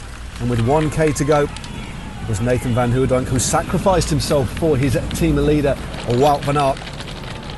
And in the end, the sprint was opened up by Stefan Kung with Matthews on his wheel, but straight down the centre of the road, straight as an arrow. It was a Walt van Aert taking the win. Superb display of strength and sprinting prowess to take his first ever victory in Ghent-Wevelgem. Ja, Van Aert die eh, pakt eh, Gent-Wevelgem. Ook dankzij het teamwerk van, eh van Hooijdonk, zoals Mhm. gezegd. Want die reed die kopgroep op een gegeven moment helemaal aan flarden. En er zaten nog een paar goede sprinters tussen. En die werden gewoon met de wind op kop, werden die op een gegeven moment toch eraf gereden. Ja, en dan ben je weg. Ja. dan ben je gewoon weg. Eh, dus eh, Van Aert die schrijft toch weer een, eh, weer een mooie, Deed mooie dat heel prijs soeverein, ja. Heel overtuigende sprint. Ja, ja, absoluut. En, eh, maar toch was er ook nog eh, Nederlands succes eh, bij dezelfde eh, koers, Gent-Wevelgem. En dat was, hoe kan het ook anders, bij de dames. Want alles wat de Nederlandse dames Mhm. eh, ongeveer aanraken op een fiets verandert in goud. Zo ook deze keer. We gaan sprinten. Aan de linkerkant met Marianne Vos. Marianne Vos van heel ver met eh, Lotte Kopecky in het wiel. Marianne Vos nog altijd, maar het is van heel ver. Brennauer in het wit. Het is eh, Marianne Vos nog altijd. Marianne Vos, Marianne Vos. Is het Vos? Ja, het is Marianne Vos. Ja, de eerste overwinning trouwens voor Jumbo-Visma bij de dames. Oh. Ja, daar waren ze super blij mee. Op alle social media werd dat ook eh, ronduit eh, gedeeld. En, en ten tweede, ik vind het knap hoe lang die Marianne Vos al meedraait. Al meedraait, ja. Maar ik denk wel dat ze voorzichtig is op haar eigen. Ze zit niet bij, eh, bij elke koers eh Nee, dat, mee dat te begrijp doen. ik. Ze kiest daar momenten uit en dat doet ze dan gewoon eh, heel Ja, goed. Dat begrijp ik Mhm. inderdaad dat ze dat doet. Maar echt absoluut, ja, absoluut klasse, klasse wederom Mhm. van Marianne Vos. En even om nu iets recht te zetten van de, onze luisteraars die iedere week luisteren. Vorige week had je het over Longo Borghini. Die werd nu tweede of was was wel Nee, dichtbij? die zat, die zat wel in de eh, in, een- lange eh, Vlucht. vlucht. Ja. Die maar in ieder alleen geval, eh, deed. die Gianni Longo was niet de concurrent natuurlijk van Marianne Vos, maar van Leontien van Moorsel ja. destijds. We Mhm. gaan nog één nummertje draaien en dan sluiten we af met het wat eh, internationaal eh, sportnieuws. Nou Philip, ik heb twee zomerse liedjes hier klaarstaan. Eh The Good Vibrations van de Beach Boys of The Boys of Summer van Don Henley. Nou, maak je keuze. Deze kans krijg je niet zo heel De vaak. eerste. Wat is de eerste? Good, Good Vibrations? Vibration. Ja, oké. I love the colorful clothes you wear and the way the sunlight plays upon her hair. I hear the sound of a gentle word on the wind that lifts her perfume through the air. I'm picking up good vibrations. She's giving me the excitations. I'm picking up good vibrations. She's giving me the excitations. I'm picking up good, good vibrations. She's giving me the excitations. Picking up good, good vibrations. She's giving me the Close my eyes, she's somehow closer now. Softly smile, I know she must be kind.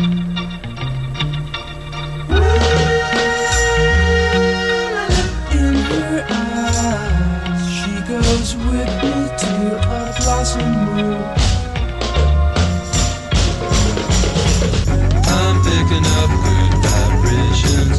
She's giving me excitations. I'm picking up good vibrations. Me the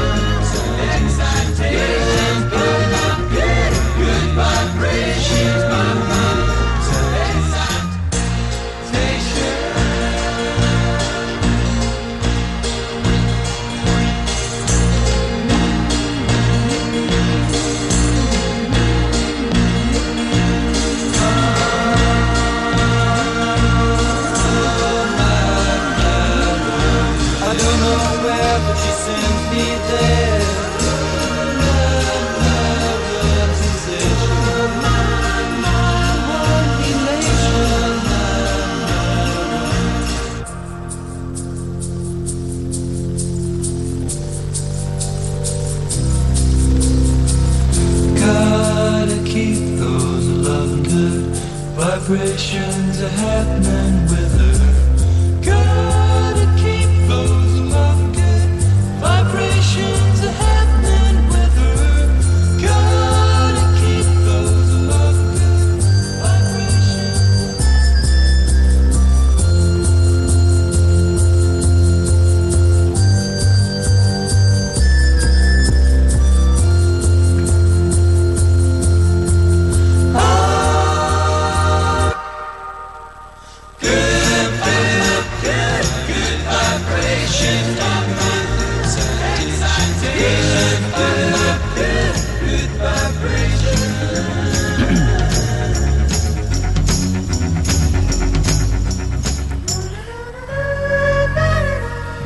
De Good Vibrations van de Beach Boys. Dat zijn zeker Good Vibrations met dit eh, heerlijke weer. En we gaan eh, langzaam maar zeker afsluiten. Dat doen we nog eh, met wat overig eh, internationaal eh, sportnieuws. Wat we nog zijn eh, tegengekomen. En dan even tennis om mee te beginnen. Zoals gezegd, op dit moment op, in Miami wordt er gespeeld.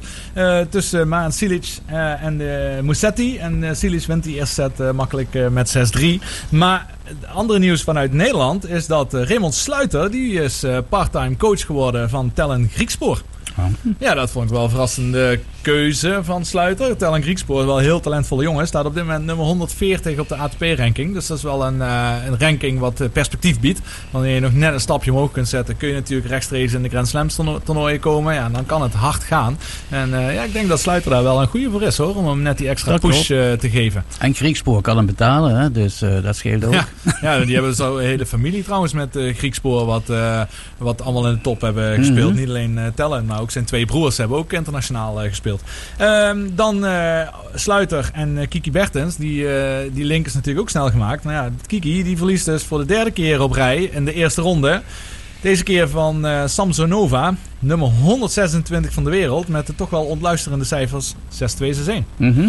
Drie weken achter elkaar, eh, drie dikke nederlagen. Kan, kan verkeren, hè? Zie je ik wil nog steeds niet vroeg hier eh, commentaar op gaan geven, omdat ze uit die blessure komt. Maar eh, als je Mhm. drie weken achter elkaar zo kansloos verliest, en zeker met haar mentale weerbaarheid dat soms, wil ik zeggen, ja. Kan dit wel een eh, klap, eh, klap voor haar zijn. Eh, nou, dat houden we nog Begin- steeds. begin van het einde. Ja, dat, dat heb ik nog niet gezegd. Nee, jij niet, nee. ik heb dat nog niet gezegd, maar we zullen zien.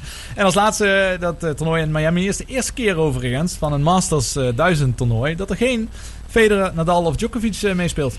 Dat is nog Mhm. nooit eerder gekomen, voorgekomen sinds de start van de Masters. Oké. Kun je nagaan hoe lang dat die jongens allemaal al weer op topniveau meedraaien.